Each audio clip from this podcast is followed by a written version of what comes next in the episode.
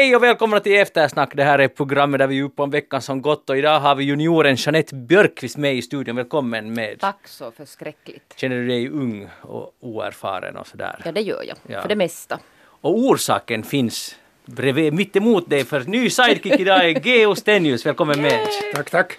Du är uh, veteranen från Äldres råd, journalist. Ja. Där, och Äldres råd var, fanns ju här i Vega och slutade till julen, sista avsnittet. eller? Exakt. Och nu är det redan nu tillbaka i etern.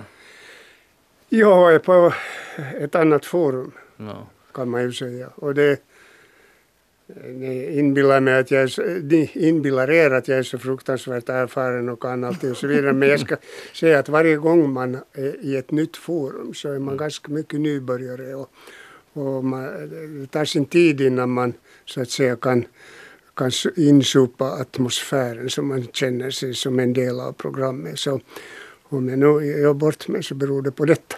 Men det är ingen fara för vi har 57 minuter tid på oss. Här finns mycket tid att Man lära kan, oss. mycket längre tid att göra bort sig på. Att göra bort sig och sen klamra upp igen. Ja, precis. Exakt, jag heter Magnus Lundén, program alltså Eftersnack. Vi ska tala om veckan som gått och det där, först goda nyheter. Det regnar i Southwest, vad heter det? New Wales. South Wales, ursäkta, i Australien.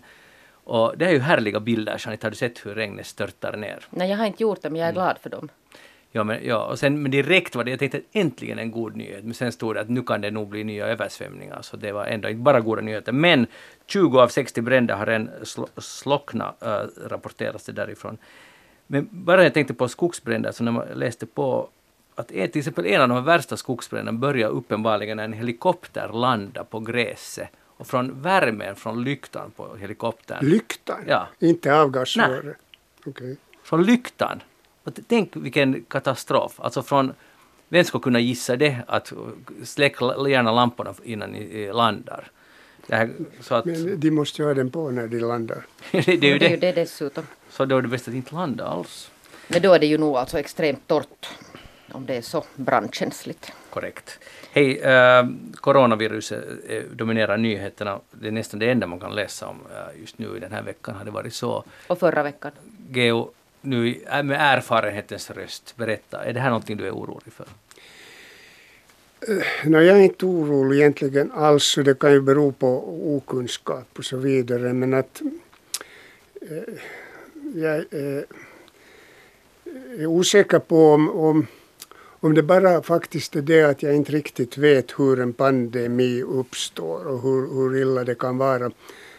Jag, jag tänker på den här sars-viruset där det dog då var det några hundra egentligen. Sen 700-800 eller så vidare. Och det var ju ett, en, en fruktansvärd uppståndelse.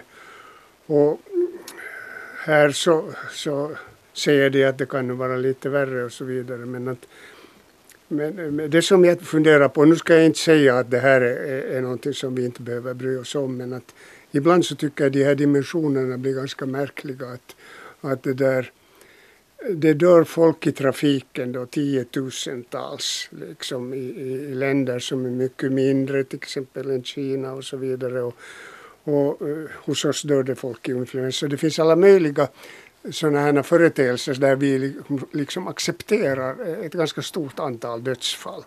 Och det blir ingen större, större det där historia. Att här finns ju nå någonting just tror jag som beror på det här att det är liksom okänt och, och vi vet inte riktigt hur det kommer att gå. Och det är därför vi är så oroade. Men så kan vi ju fortsätta att skita i trafikolyckorna. Och influensan. Fy- 400 000 dör, vi talade om det i förra avsnittet, eh, 400 000 dör årligen ungefär i influensa varje år.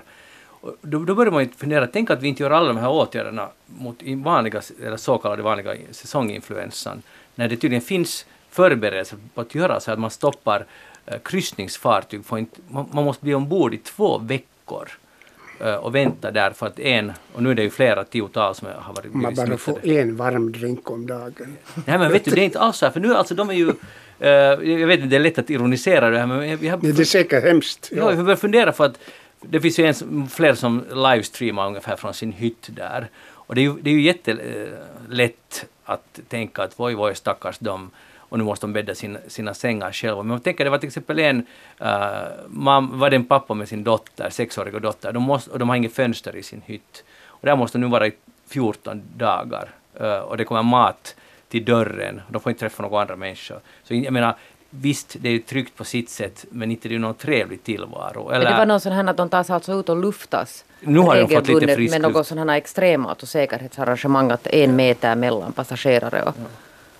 Men alltså jag tycker nog att det här är på något sätt en sån där uh, liten inblick i vad framtiden kan föra med sig. För att, uh, det här verkar ju inte ännu, man kan inte ännu säga att det är en pandemi, det säger inte WHO heller. Och det där dödlighetsprocenten är typ 2 procent eller kanske också lägre, för det finns säkert massor som har haft det här och som inte känner ens till att de har haft det. Och de har vidtagit alla de här åtgärderna, vilka ju är säkert för det mesta bra, sen kan man säkert vissa inte så effektiva och så vidare. Men tänk sig när vi får en pandemi, och det är just en riktig pandemi, och som de har rapporterat från Kina också, att drönare flyger i luften och ser att sätt på ansiktsmasken. Alltså va, vilka möjligheter det finns. Och det finns, tycks finnas en sån här förberedelse, förberedelse för sådana här utbrott som jag inte har känt till att vi är liksom redo på ett sätt, de utvecklade länder som har den här möjligheten. Nåja, i alla fall, uh, vad är det, 636 har dött i Kina hittills och det finns i 28 länder, så, så tillvida är det inte en pandemi ännu. Är du, Jeanette, om du granskar ditt hjärta, är du oroad? Nej, alltså när jag inte kan nu på något sätt alltså hetsa upp mig. Jag är jätteledsen, jag säger som Geot, kanske det, det att man inte förstår tillräckligt mycket. Men vad jag nu, det var jag har läst alltså om det här. Mm. Så, nu sägs det ju faktiskt att friska människor också har dött av det. Det var ju något skede så det är det här typiska, alltså sådana människor som av, av, andra orsaker också är sjuka eller svaga mm. eller på något sätt så här. Så de är ju alltså alltid utsatta vad det än handlar om. Mm. Men det där inte har jag ännu riktigt ännu lyckats hetsa upp mig. Och inte är jag rädd för de här asiatiska turisterna heller. Så som många annan verkar vara. Det är intressant att eh, jag är medlem i ett sånt här tipsgäng, HBLs tipsgäng som varje fredag eftermiddag tippar på något ställe. Nu har vi tippat en tid på en kinesisk restaurang här i stan. Och förra veckan var vi de enda gästerna på den här restaurangen. Det fanns inte, och det är en stor restaurang. Och den brukar vara full om jag... Den brukar vara full vid lunchtid, ja. Det var inte en enda annan människa. Det, det, och det, där, det rapporteras ju många liknande caser. Ja. Och det visar ju hur fullständigt irrationell människan är. Men vi alla tror att vi är ganska rationella och vi är faktabaserade. Men ett sånt beslut att jag går in nu på kinesisk restaurang i Helsingfors för att... Men jag undrar också att för att vadå? Man ja, ja, för att vadå? För att det är någon sån här inbyggd alltså virus, smittrisk. Ja, de kan ju ha varit i kontakt med någon släkting från kanske... Per var telefon? ja, till och med det, ja. Nej, men, men alltså, det är på riktigt ganska intressant eh, och just vi talade ju förra veckan om att Italien också rapporterar och det är svårt att veta hur sanningsenligt det är men att nu går det ju också rykten om att i, i Finland att om man är, ser asiatisk ut så går människor en uh, liten väg runt en och så vidare. Så om det är så så det är det är ganska hemskt. Och, och visar igen hur, som sagt, hur irrationella vi är. Men vi tänker igen att 400 000 dör i, i säsonginfluensa varje år. Nu har det dött 636 personer.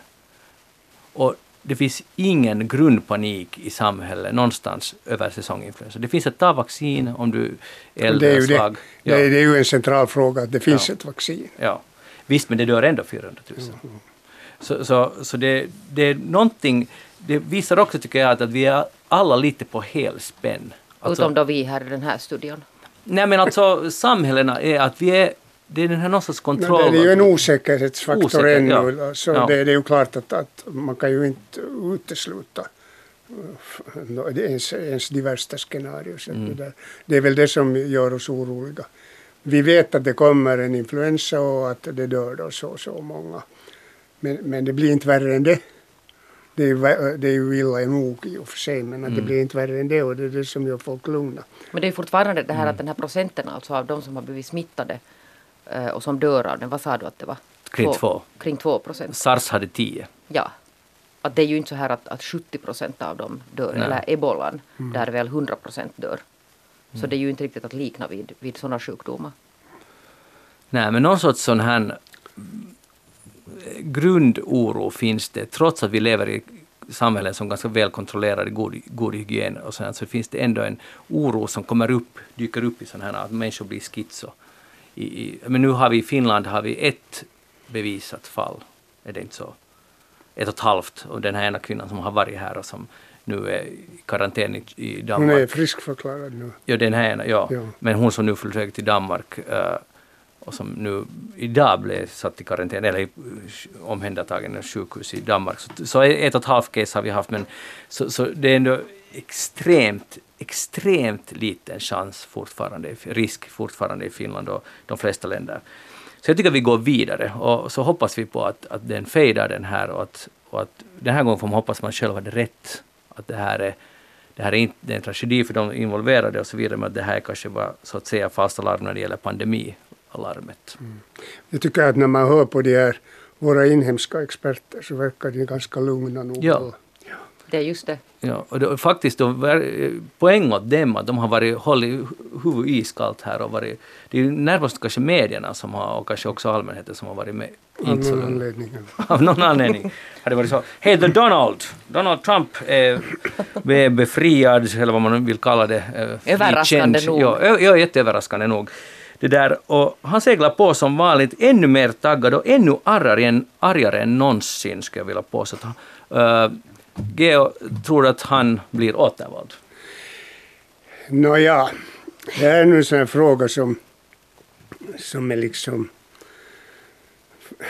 dödens, eller vad man ska säga. Är den dödens? no, den är dödens. Alltså, då för fyra år sedan så jag har varit ganska mycket i USA och följt med presidentvalet. Jag har följt med fem presidentval och så vidare. Och med den här enorma erfarenheten i bakfickan så deklarerar jag då att alla som vill höra på att om det nu är en sak som är säker så är det det att Donald Trump inte blir vald till USAs mm. president. Det finns inte en chans. Och det där... no, det gick som det gick och, och det där, så ganska fort så kom jag då till att det ser ut som han också skulle kunna bli återvald. Att det så, så där. Men eh, i dagens läge så så skulle jag inte våga göra någon som helst tippning överhuvudtaget. Alltså, det, det var det nio månader kvar till det där valet och, och det är nu tyvärr på det viset med de här amerikanska presidentvalen att det kan ske så oerhört mycket på slutrakan att, att jag tänker inte komma med någon tippning. Ja. Och jag, jag hoppas att, att det där landet tar sitt förnuft i fånga för att om, om han sitter där fyra år i, ännu så måste man börja fundera på alltså att att vad är det för ett, för ett land? Johan Galtung, om ni kommer ihåg, en sån här norsk fredsforskare mm. som var mycket på tapeten tidigare, sitter väl nu på Hawaii i någon, kanske bara och, och solar sig, men jag tror att han är anställd av eh, universitetet där och han, han det där har varit ganska bra på att förutse olika saker. Han förutsåg, för, eller eh, spådde för för en tio år sedan att, att med USA kommer att bli en fascistisk stat 19, eller 2020. Mm, det är i år det. Och det där, det, det, det låter ju bestickande och så vidare men att det där, om han nu blir, blir återvald så nu finns det nog en hel del element i det amerikanska samhället som vi måste vara ganska så oroliga för. Ja, och det är ju nog intressant att se hur snabbt Republikanska partiet har förändrats. Alltså, på några år är det Donald Trumps parti. Det är ju det vad det är nu, just, just nu i alla fall. Så, ja, så, det, så det, det, kan ju se ut, jag tror att det är en ytlig bedömning i den meningen att det är hans parti. Utan det är nog samma parti som tidigare, men de är så fruktansvärt opportunistiska de här eh, senatorerna och republikanska politikerna att, att de vågar helt enkelt inte, eller de vill inte utsätta sin egen karriär eh, för de enorma risker som det skulle innebära om de, om de går i, i angrepp mot Trump. Jag tror att det finns mycket sånt tänkande. No, vi står ut de här fyra åren och så är det business as usual. Ja, eller åtta åren, för då får vi... Nej, nej det tror jag sen att, ja. att där blir det nog oro. Mm. Men, men eh, alla som har gått emot honom inom partiet har ju krossats.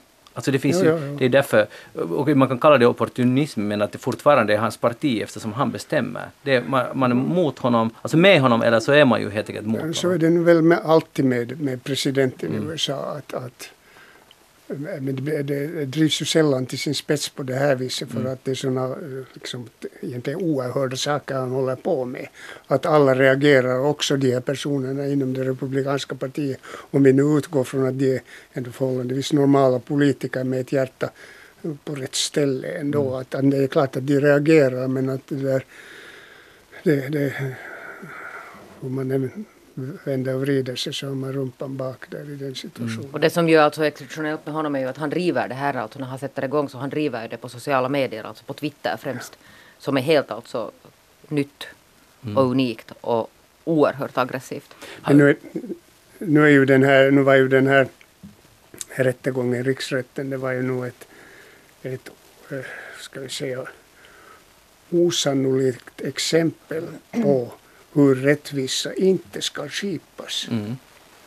Att, att det där kan man mera liksom med någon slags grund liksom se upp till Amerika som, eller USA som, vad heter det, en stor demokrati eller vad de nu vill själva anse att det är. Ja, och en, en sak som också tycker jag skrämmer mig, det var inte bara det utan också den här vreden. Att, att den här aggressiviteten i de här, när de fick hålla sina talturer där som kunde pågå i typ 24 timmar, så, så himla arga hela tiden. Och det är, det är, en, det är ett skämt nästan. Som jag håller helt med dig om att det, är, det, var det där en riktig rättegång? Att vad ska man kalla det där? Det var ju en politisk show från, kanske från båda sidorna men att det, det var inte trovärdigt på något sätt.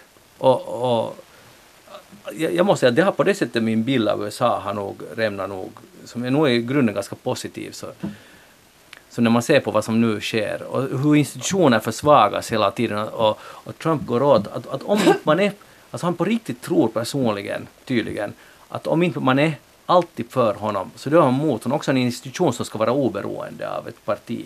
Så de måste vara för honom, för annars är det är det Obamas folk som är där och de måste bort. Att, den här person, att han måste gå åt alla som kan säga något neutralt eller kritisera. Och det, så gör ju en diktator.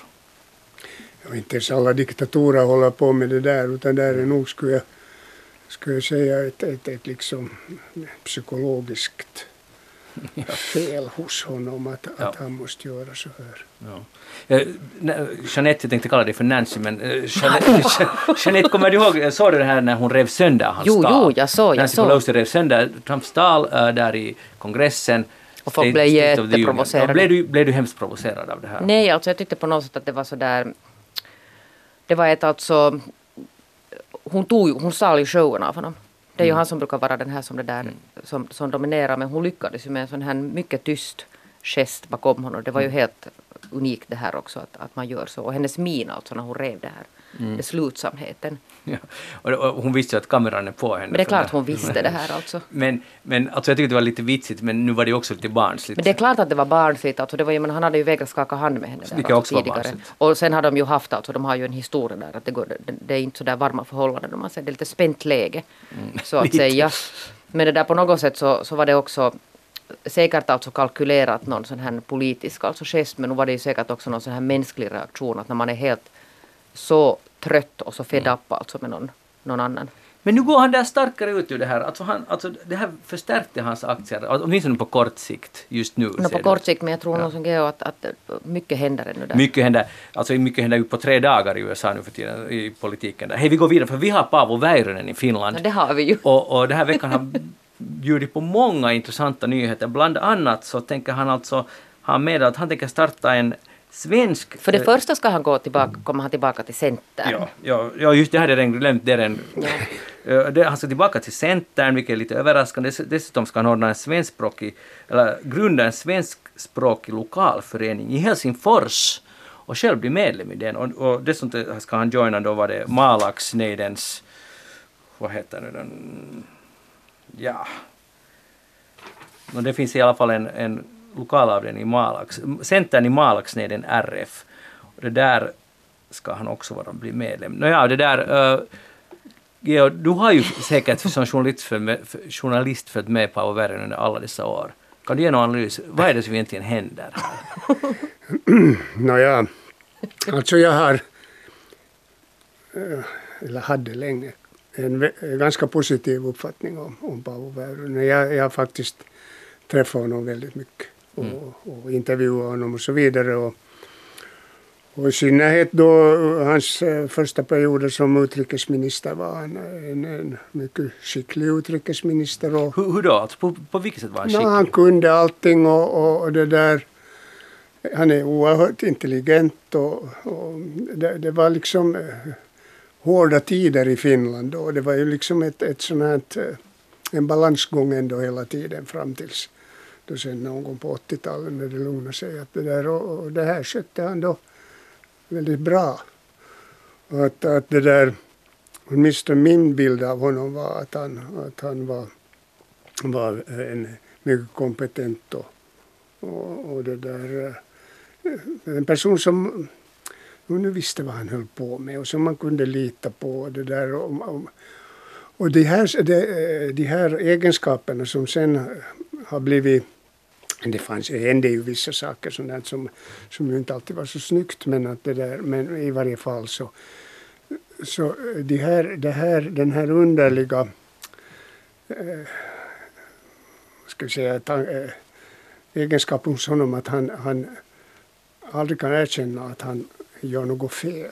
Mm. Så den, den liksom förstär, blev förstärkt då på 80-talet. Och, och, och, det som jag tror att nu, nu har hänt efter då diverse motgångar inom då partiet och också på annat sätt att han aldrig blev president. Det stora felet som han gjorde var att han då var det 90, 91 eller vad det nu så, som han, han plötsligt då eh, eh, beslöt att han inte längre skulle vara ordförande för Centerpartiet och, och plocka in Esko Aho istället. Och trodde nu då att, att Aho skulle vara så mer eller mindre tandlös, någon slags eh, marionett för honom. Och så var det då inte överhuvudtaget. Utan Aho körde sitt eget race och blev sen statsminister och möjligt. Och, och, och eh, Väyrynen hamnade på något sätt då definitivt ute i, i kulisserna. Och, och, och det här att han är liksom borta, att han inte mera har sin naturliga ställning tror jag har lett till en sån här som det går med gamla människor, att, att vi blir allt mer och mer inbitet no, av någon åsikt. Är du sån? Blir du inbiten av någon åsikt? No. Du sa ju, du talar om vi här. Alltså i, i, i sådana här sällsynta stunder av, av det där självkritik kan jag ju svara ja på det här men att det där om ni vänder er till min omgivning så får ni antagligen helt andra svar. Nå i varje fall så det, det här tror jag nu har hänt med honom att han har, han har svårt att, att liksom sätta saker i relation till om vi nu ska kalla det för verkligheten eller vad vi vill. Mm.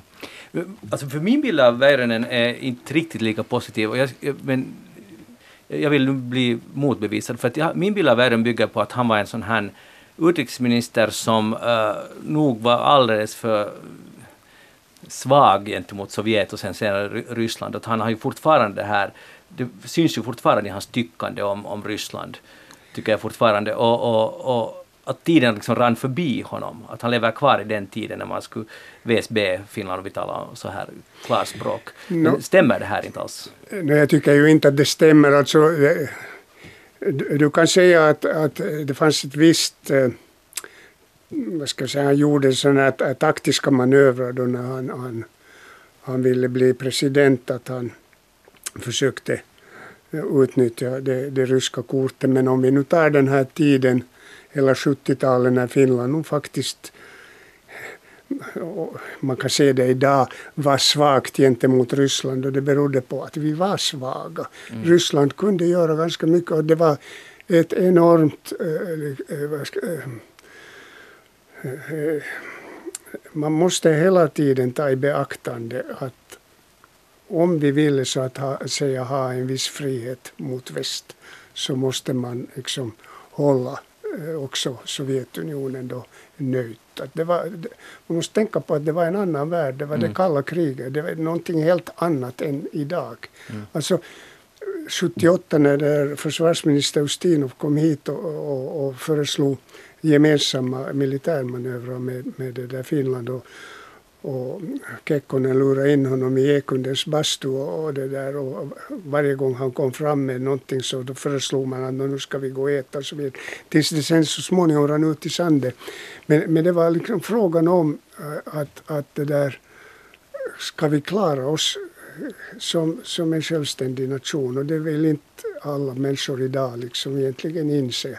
Att jag tyckte ju att det var en oerhört oroväckande period i, i Finlands historia hela, hela 70-talet. Att, att jo, man gick med på det ena och det andra men det var ju taktiska hänsyn bara för att... Det... Ja, och det där förstår jag ungefär i alla fall. Det är svårt när man själv liksom var på det, förstod vad som pågick om man var nu sju år gammal. Men, men däremot så, det som jag förstod var 88, 89, 90, 91, de här när, enorma omvälvningarna i Europa.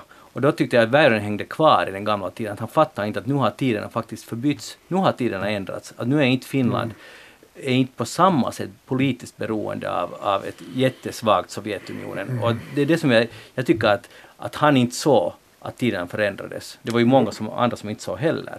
Men där tyckte jag inte att han hängde med och han är fortfarande kvar där. Det... Mm, om man är kvar där nu så då är det ju naturligtvis fel. Men jag måste säga att 89, 90, 91 var, var nog ingenting klart. Och men jag tycker ju också att, att president Koivisto blir obes, äh, var, onödigt klandrad för, för hur han hanterar den här estniska självständigheten. Jag råkar nu av olika anledningar ha, ha, ha ganska klart för mig vad han höll på med eftersom jag hade det stora nöjet att, att skriva en bok med honom mm. och, då, då pratade vi ganska mycket om det. Och det hans första och enda uppgift i den situationen var, var att vara eh, president, Finlands president och se, det kunde ju ha gått precis annorlunda och då skulle man ju suttit, suttit så att säga med sin tvättade hals i Finland om, om, om, om eh, gammelkommunisterna hade tagit över i Moskva och sett vad presidenten höll på med där och, och fixa med esterna. Men alltså han, han skötte ju bakom kulisserna eh, understödde på många olika sätt den, den här freds, eh, estniska självständighetsrörelsen. Och betecknande för det här var ju att sen när president Lennart Meri dog och det var hans begravning och Koivisto var där så eh, togs han emot som en hedersgäst. Alltså familjen visste vad Koivisto hade gjort för Estland. Men det var inte ute så där mm, på överallt. Jeanette, här Georg talade om det att när man blir äldre så blir, finns det i alla fall en tendens hos vissa att man blir övertygad. Man har bara den här åsikten jag har, den är rätt och, och man blir ännu starkare i den. Jag har nog en sån känsla att det har nog ingenting med ålder att göra i dessa dagar. Ja men här, det sades just att det har. Ja, jag så jag ska fråga, hur är det med dig? Liksom att blir du mera vi blir ju alla trots allt för varje sekund äldre. Du är lastgammal så ja. svara nu på det här. Nu är jag ju faktiskt för en gångs skull yngst i studion. Ja. ja men alltså, du är yngst, så men märker du att för varje år så blir det mer att så här är alltså, det, eller du, när man tvärtom? säger, Jo men när man gör en självrannsakan så säger jag ju att absolut inte att jag är sån här flexibel som lyssnar och det är säkert inte alls sant. Nej. Det kan hända att man inte bara har nu så stor självinsikt. Just det, så någon annan borde analysera det med andra ord. Ja, men sen är det ju nog alltså så att, att för det mesta har jag ju nog ändå rätt. Jo, jo det vet det, det är inte frågan om den saken. men det kan man ju också eh, kontrollera. Om man hade ja, rätt. Det är sant. Donald men, Trump har också rätt. Ja, brukar du inte kontrollera om du har rätt? Sådär. Eller är du säker på att du har? Aj, om jag är en sån här som man sitter och så säger man någonting och så går man sen när någon säger emot så tar man fram sin telefon och börjar googla. Ja, eller... Nej men jag håller aldrig på det där med fakta. Jag har så dåligt minne så jag kan inte hålla på med sådana här fakta har rätt ah, det är som du. Jag har mera ja, men det där med åsikter är ju jävligt svårt, förlåt. Ja, är det inte? Ja, nej men för att, för att eh, numera är det lite oklart vad som är en åsikt. Alltså, det, det blir ju allt mer populärt att säga att, att min åsikt är att 2 plus 2 är 5. Mm. Men det är och, faktiskt fakta nu för tiden. Och jorden är platt och så vidare. No, men, men det där äh, då, då när man börjar protestera så säger de ja men du har alldeles din självklara rätt att anse att 2 plus 2 är 4 men du ska säga att jag anser det. Ja. Men, det finns också, men det finns också de som upplever liksom att nu känner jag så här. Så då är det alltså fakta. Mm. För att det är min upplevelse. Jo, jo, men, äh, Timo Soini sa ju att det finns inga felaktiga åsikter, alla är rätt. Mm. Men åsikter är varken fel eller rätt utan de är åsikter. No, det är ju det. Jeanette Björkqvist, vad har du tänkt på den här veckan? No, jag har nu tänkt alltså lite ditåt kanske, eller kanske ändå inte alls, men jag tittade på den här A-talk igår en stund, fast jag egentligen inte ville titta för att jag är så trött på de här oppositionspartierna som får så mycket plats där i A-studio. Men det där, äh, där var bland annat alltså Li Andersson, undervisningsminister, och så var där Jussi halla och så, så kom halla med en sån här, alltså Sannfinländarnas ordförande, så kom han med någon sån här uttalande ganska där i början där han på något sätt igen talar om sån här vihervasemmisto Som, Grön vänster. Jo, men det är alltså på, på finska Det är full- ja, är det liksom sån här lite Nedlåtande. nedlåtande. Det är inte sån här politiskt liksom neutral term. Och så påstod han att det där att, att de gör eh, sin klimatpolitik så att en stor del av Finlands glesbygd blir obeboelig. Det var ungefär alltså vad han sa om, om Och alla tvingas flytta till städerna. och alla tvingas flytta till städerna. Det hann han alltså, ja just det precis. Ja, och det är alltså då den här Viher Vasemistos fel. Och sen blev alltså, man hade sett att den här Li Andersson satt där och, och, och var ganska frustrerad en stund och så sa hon då, äh, använde termen alltså paskapuhetta, skitsnack, att kan du Jussi alltså säga något bevis på det här? Och, det där. och sen fortsatte alltså diskussionen och, och sen stängde jag av i något skede för att jag tyckte bara att jag inte orkade liksom titta på det här. Men det där så öppnade jag då det där uh, nyhetsmedierna i morse och, och så öppnade jag Twitter och så såg jag att det här var nu alltså då morgonens stora nyhet var det här att hon hade sagt skitsnack i nationell TV.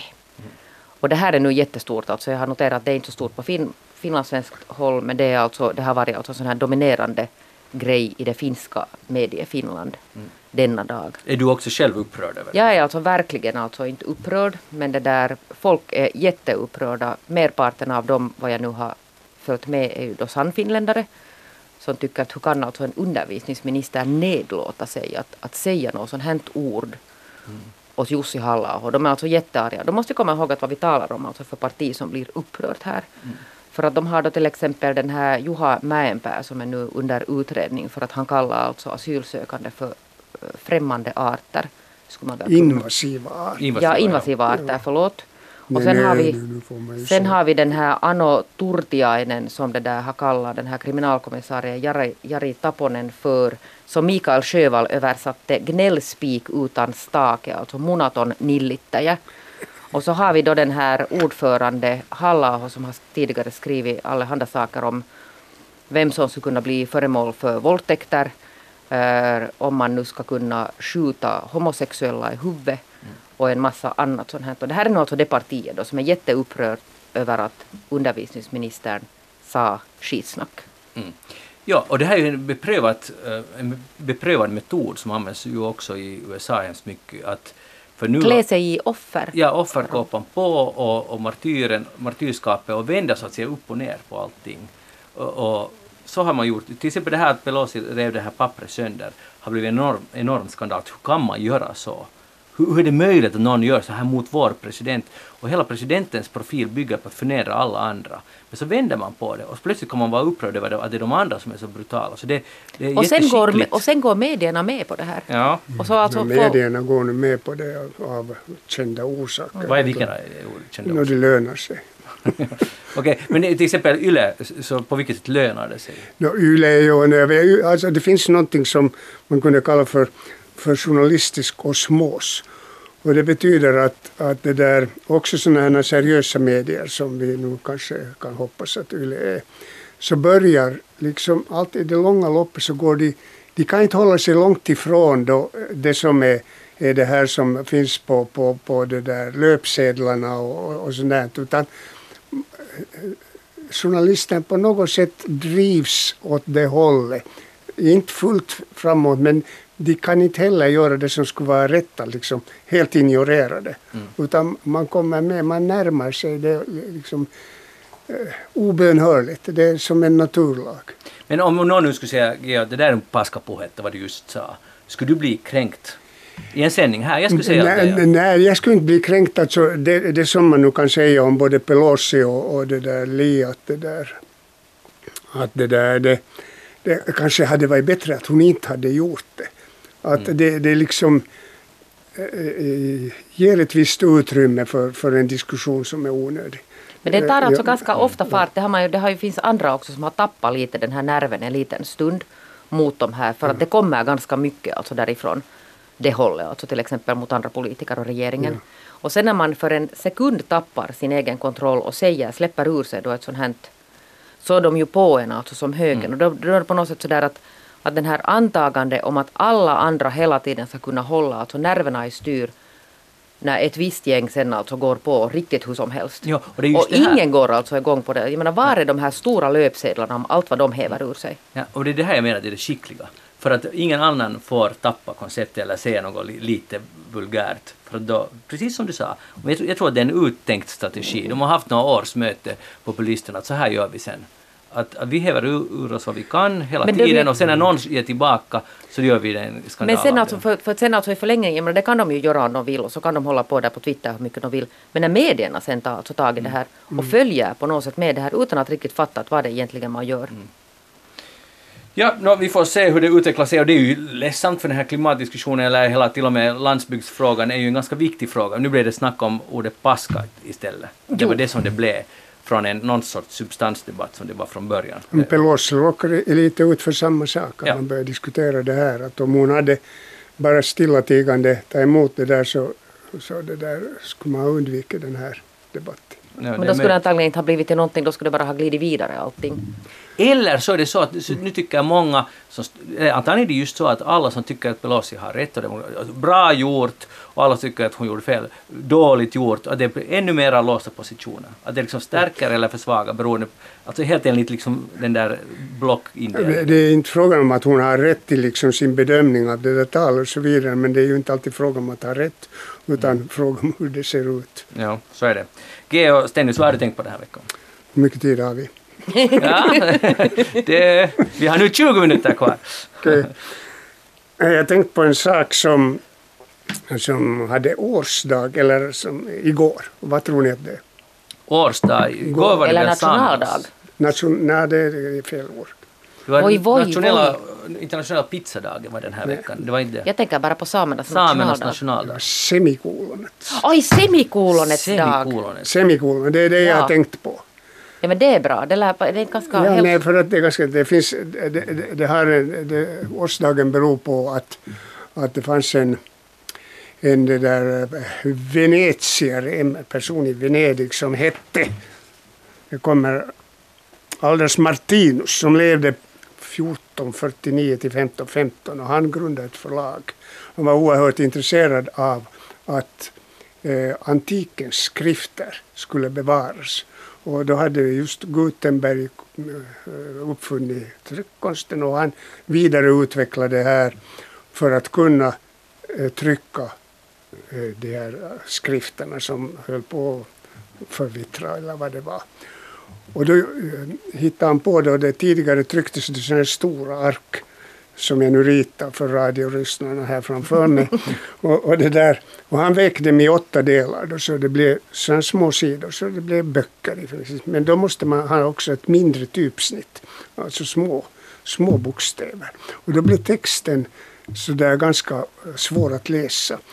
Det fanns skiljetecken då men han hittade på en massa nya skiljetecken för att folk skulle kunna eh, eh, enklare tyda, tyda vad det där eh, vad som stod där. Och bland annat då semikolonet. Och nu är semikolonet någonting som, som folk har, har jag förstått. Det har kommit ut en bok också skriven av en amerikansk historiker, Cecilia Walker. Cecilia Watson heter hon.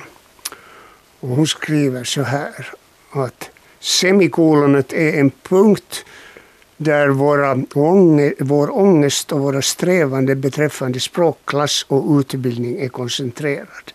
Och Kurt Vonnegut skriver Använd aldrig semikolon. Det är transvestitiska hermafroditer som står för absolut ingenting.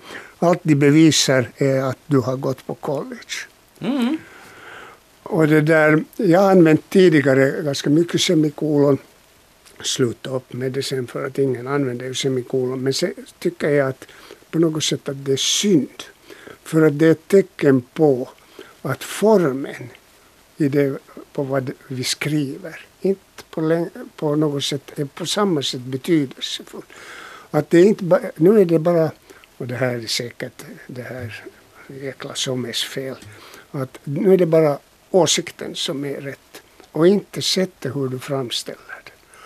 Och jag börjar bli övertygad om att, att det är av central vikt att, att, att, att vi tänker på hur vi framställer våra åsikter.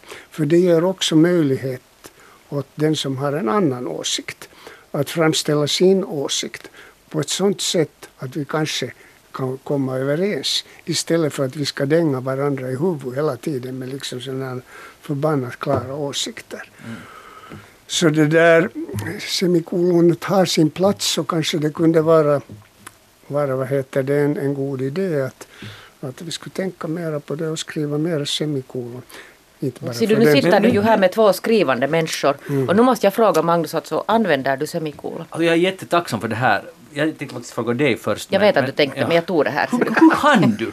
men, men, i alla fall, alltså, för att jag sitter nu och skriver ett längre verk och jag har och en gång hittills har jag klämt in ett semikolon och då var jag till och med lite osäker. Vet du hur semikolon ska användas? Jo, jag, jag, jag påstår det att det just det här jag tror att... För, det finns en enkel regel. Vi har blivit alltså, alltså upprep, upprepningar som inte är en egen mening, är det ungefär så? Nej. Alltså, nej, inte, alltså nej, inte upprepningar utan en lista. Nej, det, nej, som inte, det kan inte vara en självständig sats. Det inte heller, men, men du kan att, avbryta en mening alltså? Nej, jag ska säga hur det är. Alltså det, det är ett tecken som står mellan två huvudsatser. Alltså två satser med subjekt, objekt och äh, verb.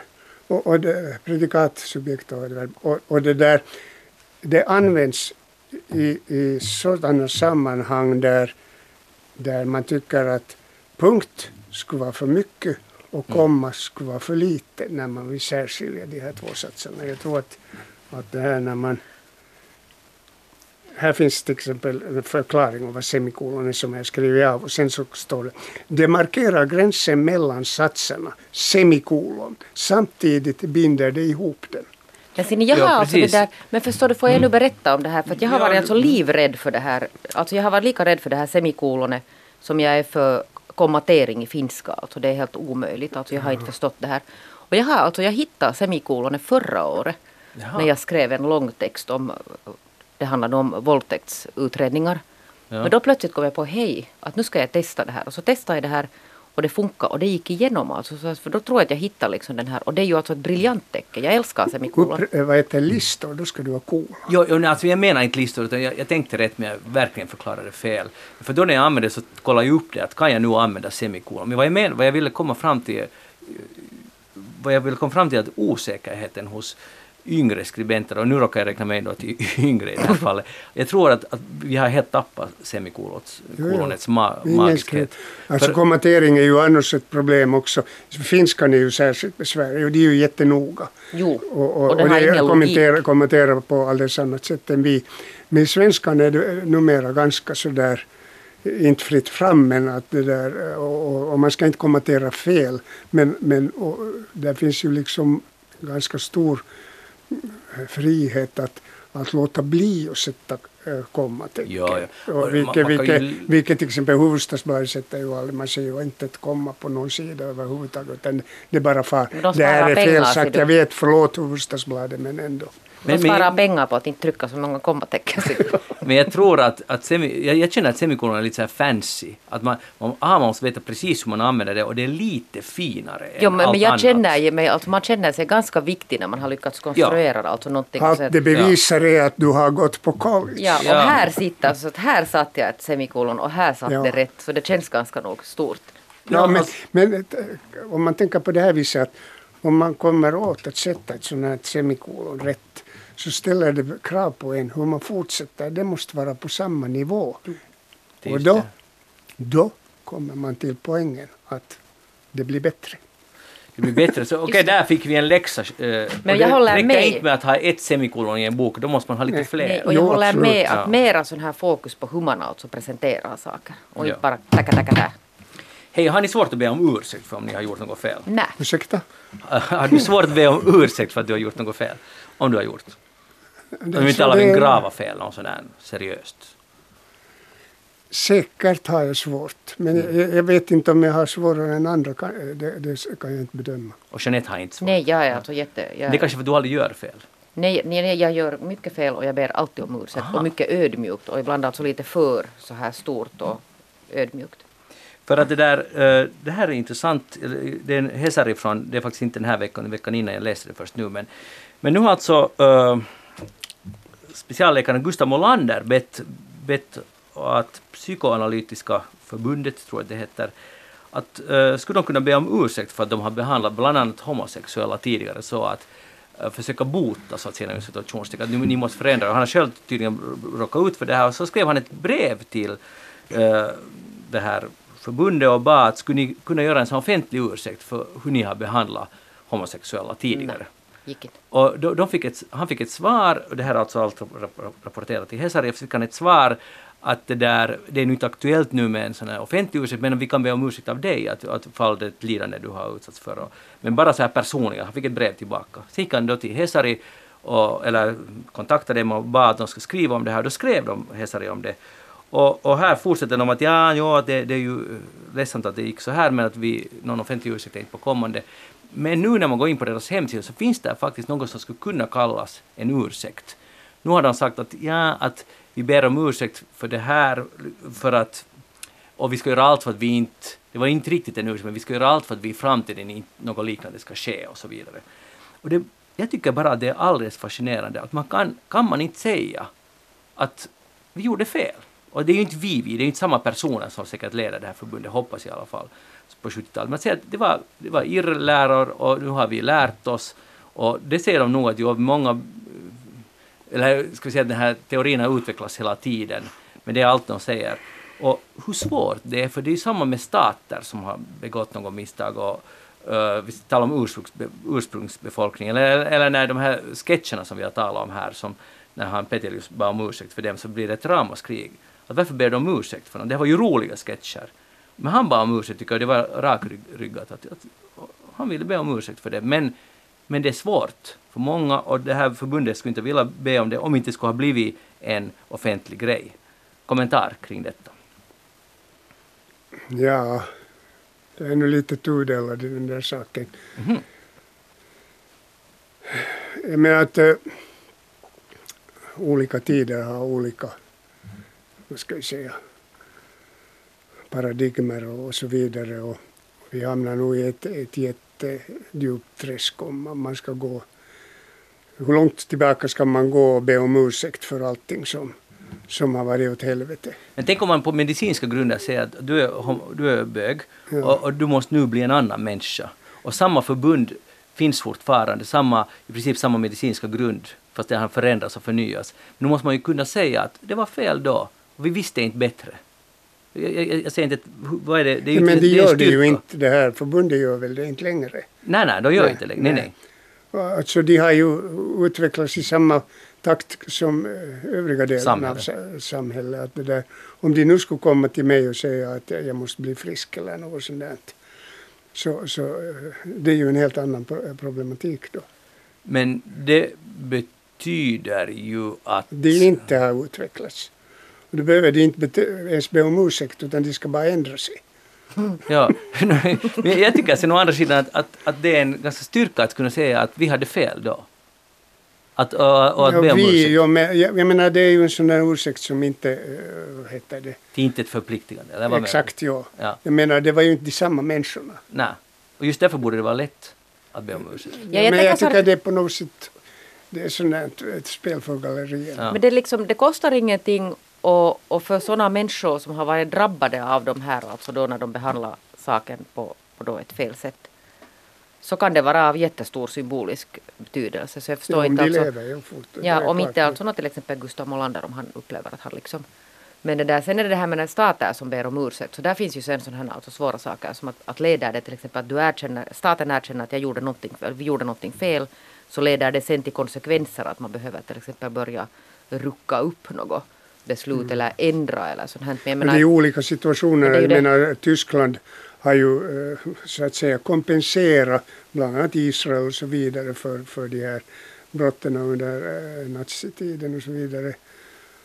Och, och, och då när, när Jeltsin la ner en krans på, på hjältegraven och så vidare så hade det en viss betydelse nog för, för Finland tycker jag att, mm. att Sovjetunionen erkände att, att det kanske nu inte gick Men enligt din logik så skulle de ju inte måste för det var bara andra tider, nu är det nya tider. Vi låter det vara det som har varit. Det beror, det, det, jag tycker eh, Nette var lite inne på rättsspår att det, det beror ganska mycket på liksom hur mottagaren kommer att uppleva det, hur viktigt det kommer att vara för mottagaren. Jag vet, jag har inte någon definitiv åsikt om det här. Men Jag funderar bara, om vi tar det här konkreta fallet, så om det är många, vilket jag inte alls känner till, om det är många homosexuella som har fått den här behandlingen och fått ipräntat i sig att du måste bli fri, du måste, du måste förändra dig själv. Så nu kan det ju prägla hela ens liv. Så, så nu kan det ha ganska stor betydelse om någon säger sen, sorry, det var vi som hade fel och inte du som var fel, utan det var vi som hade fel. Så jag, jag skulle kunna tänka mig att det kan ha en ganska stor betydelse, att, att det är liksom så här closure, okej, nu kan man kanske gå vidare, kanske förhoppningsvis redan tidigare, men att och det här gäller ju inte alls, det finns säkert massa olika, det är massa människor som blivit kränkta och felbehandlade för att tiden man lever i är inte liksom så att säga redo för allt som är annorlunda är ju alltid skrämmande. Mm.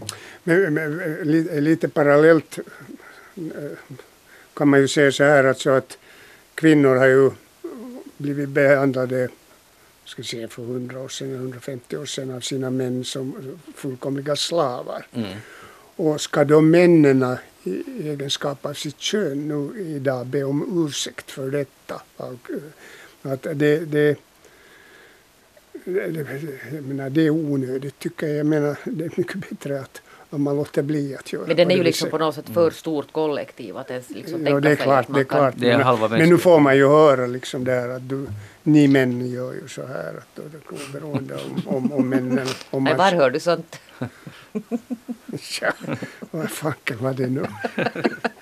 No, Okej, så här frågan blir oavgjord, eller ska vi säga, men, nåja, men jag tycker i alla fall att de... Men det som är också det är lite patetiskt, att sen när det blir en offentlig grej av det, så sen sätter man en halv ur, så då klämmer man ändå ur sig någon sorts ursäkt. Att först sen, att jag menar, att då skulle man kunna göra det direkt. Att man försöker lite skyffla Ta undan den det där här. svenska där att man gör en pudel. Så Ja, det, en borde man göra Mm, det- Ibland är en helt bra, helt bra grej, en lösning Då blir den det sällan alltså till någonting och att man genast bara gör den här pudeln så är man av med allt. Mm. No, Men man ska be- betona i varje fall att det var fel. Ja. Men sen, sen vet jag inte riktigt hur de där formerna nu ska se ut. Jeanette, talar du sådär babyspråk med din dotter? Nej. Alltså då när hon var yngre? Nej.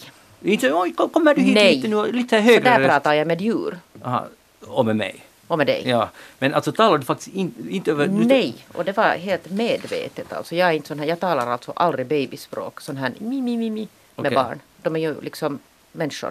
Ja. Man pratar med dem som man pratar med människor. Geo, när du ser en treåring så går du i falsett så här och talar? Nej, jag talar nog alldeles normalt med mina tvååriga barnbarnspojkar. Okej. Barnbarnspojkar. Och det har, du har aldrig, det har aldrig slagit dig att du skulle, du skulle kunna kommunicera på det här sättet? Nej, det har nog säkert inte slagit mig. För jag, jag, skulle, jag är inte säker på att jag ens skulle kunna. Aha. Riktigt sådär. Men alla kan, det här är språk som alla kan. Är det så? Jo, jo. Och det här är ord också på engelska. Det är inte bara baby talk. Det här är liksom en avancerad baby talk. För baby talk är så här, människor, människor, människor, man talar liksom inte riktiga ord, men parentis, ja, man talar liksom eh, riktiga grammatikaliska satser men med lite högre ton och lite liksom annorlunda och lite enklare. Kan du försöka förevisa? Ja, Ja, det- det är lite jag svårt. tycker publiken kräver det. Jeanette, är du hungrig? Oj, här ska du få en kopp kaffe. Vet du, så är man liksom lite sådär. Ja. Lite enklare. Lite som att man talar med något lägre stående. Ja, men nu har det visat sig, University of Washington har un- under, ut, undersökt det här och det lönar sig. Barnets, de har alltså satt på sådana minibandspelare på barn i, i åldern 14 månader, 18 månader, 6 månader och 10 månader gamla. Och så har de haft två grupper, där ena, föräldern, ena gruppen där föräldrarna talar så här och andra talar så här som ni talar med små barn. Och jag, talar, jag tror att jag har talat lite barnspråk i något skede.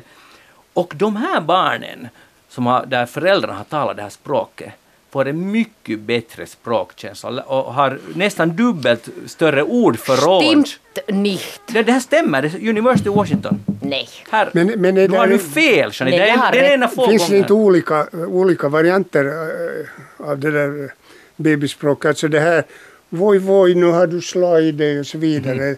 Det tror jag nu vem som helst säger. Mhm. Också Och du? Ja, också jag, om, om ett litet barn Ja. slagit sig. Men, men att du liksom i en normal situation ska pluttra ur dig det ena och det andra, det låter jag bli med. Ja. Men då, det, det där, på bekostnad där- av att ditt barnbarn får en mycket sämre Ja, och det där språkkänsla. är Ja. lite nu den där, den där forskningen där alltså. Ja. Det där, för att det korrelerar ju med språkutveckling får man ju inte av att någon talar alltså någon sån här, vad det nu hette det här språket, utan till exempel läser de föräldrarna mera för sina barn. För det är ju så som språk utvecklas. Ja, alltså, jag vet att du har svårt med fakta, men här nu måste vi lita på forskningen. Ja, men de- kan du ännu lite berätta om den här forskningen? De satt Jo, fast några de hade- bandspelare de hade- på barn. Och hur många barn var det? Eh, det, det har jag inte här Tre. framför mig. Det var Ja. många, det var ganska många faktiskt. Alltså Och- minst 15. Lyssna, och de coachar de här föräldrarna att, att nu i den här gruppen att ni ska tala och så här talar man bebisspråket och ni ska göra det aktivt och sen den andra gruppen sa de att ingenting. Och sen har de bandat dem hur de kommunicerar på riktigt med sina barn. I olika, alltså fem olika skeden vid 6 månader, 10 månaders, 14 och 18 månaders ålder. Så bandar de att hur funkar det? Och sen ho, de barnets ordförråd efter det här. Och eh, de som inte har fått något bebisspråk kunde bara 60 ord medan de som har fått det här det här fina språket av sina mamma eller pappa behär, om- kunde hundra var det- ord. Om det var den, jag är oerhört misstänksam mot alla Ja, sådana ja. undersökningar. Ja, av jag den anledningen att det finns så förfärligt många andra variabler också. Exakt. Som man måste kolla att de inte påverkar. Deras socioekonomiska ställning och så vidare. Korrelerar det med det då eventuellt? Eller vad som helst annat. Eller överlag är det sådana Ja. alltså människor som pratar mycket med sina barn. Ja, men jag känner forskningschefen vid University of Washington och det, och det här är seriös forskning. Jag säger nog att det där är nog bara... Det är nog bara de är pålitliga. Ja, de har alltid... Prata med era barn och läs för Tala dem. så här. Vilket som helst språk, lite? bara man pratar ja. med Nu dem. Jeanette måste vi börja sluta småningom. Ja. Förstår du? Så du klockan, går, klockan går framåt och sen, sen är den slut och sen måste vi sluta för det kommer nyheter Tack, sen. Magnus. Ja, ja. No, ja det kom därifrån. Så jag kan inte det. Och märker ni ordförrådet ökar? För varje sekund vi talar mer så här. Tack, vad vad var det du nu hette? Jag heter Magnus och jag är farbror och du är, du är två år gammal och snart kan du många ord Jeanette. Gud vad irriterande alltså. Ja. Hej, det där, gå, gå in på facebook.com och snedstreck eftersnack så kan vi prata vidare om den saken. Det var härligt att du var med här Jeanette Björkqvist. Ja, tack. Hur, hur kändes det nu att vara yngst? Ja, Det var ju fint. Det Mm. var ovanligt och fint. Georg Det var- Stenius, tack för att du var med här och Ja. kunde berätta lite om Väyrynen och så vidare. Så, Tack, tack. så vi lärde oss lite. Jag heter Magnus Lundén, programmet alltså Eftersnack. Vi är slut för idag. Och tala med era barn och, och med era... Månne det. Tala vanligt språk. Tala, tala med era barn. Babyspråk, vi hörs igen om en vecka. Ha det bra, hej då.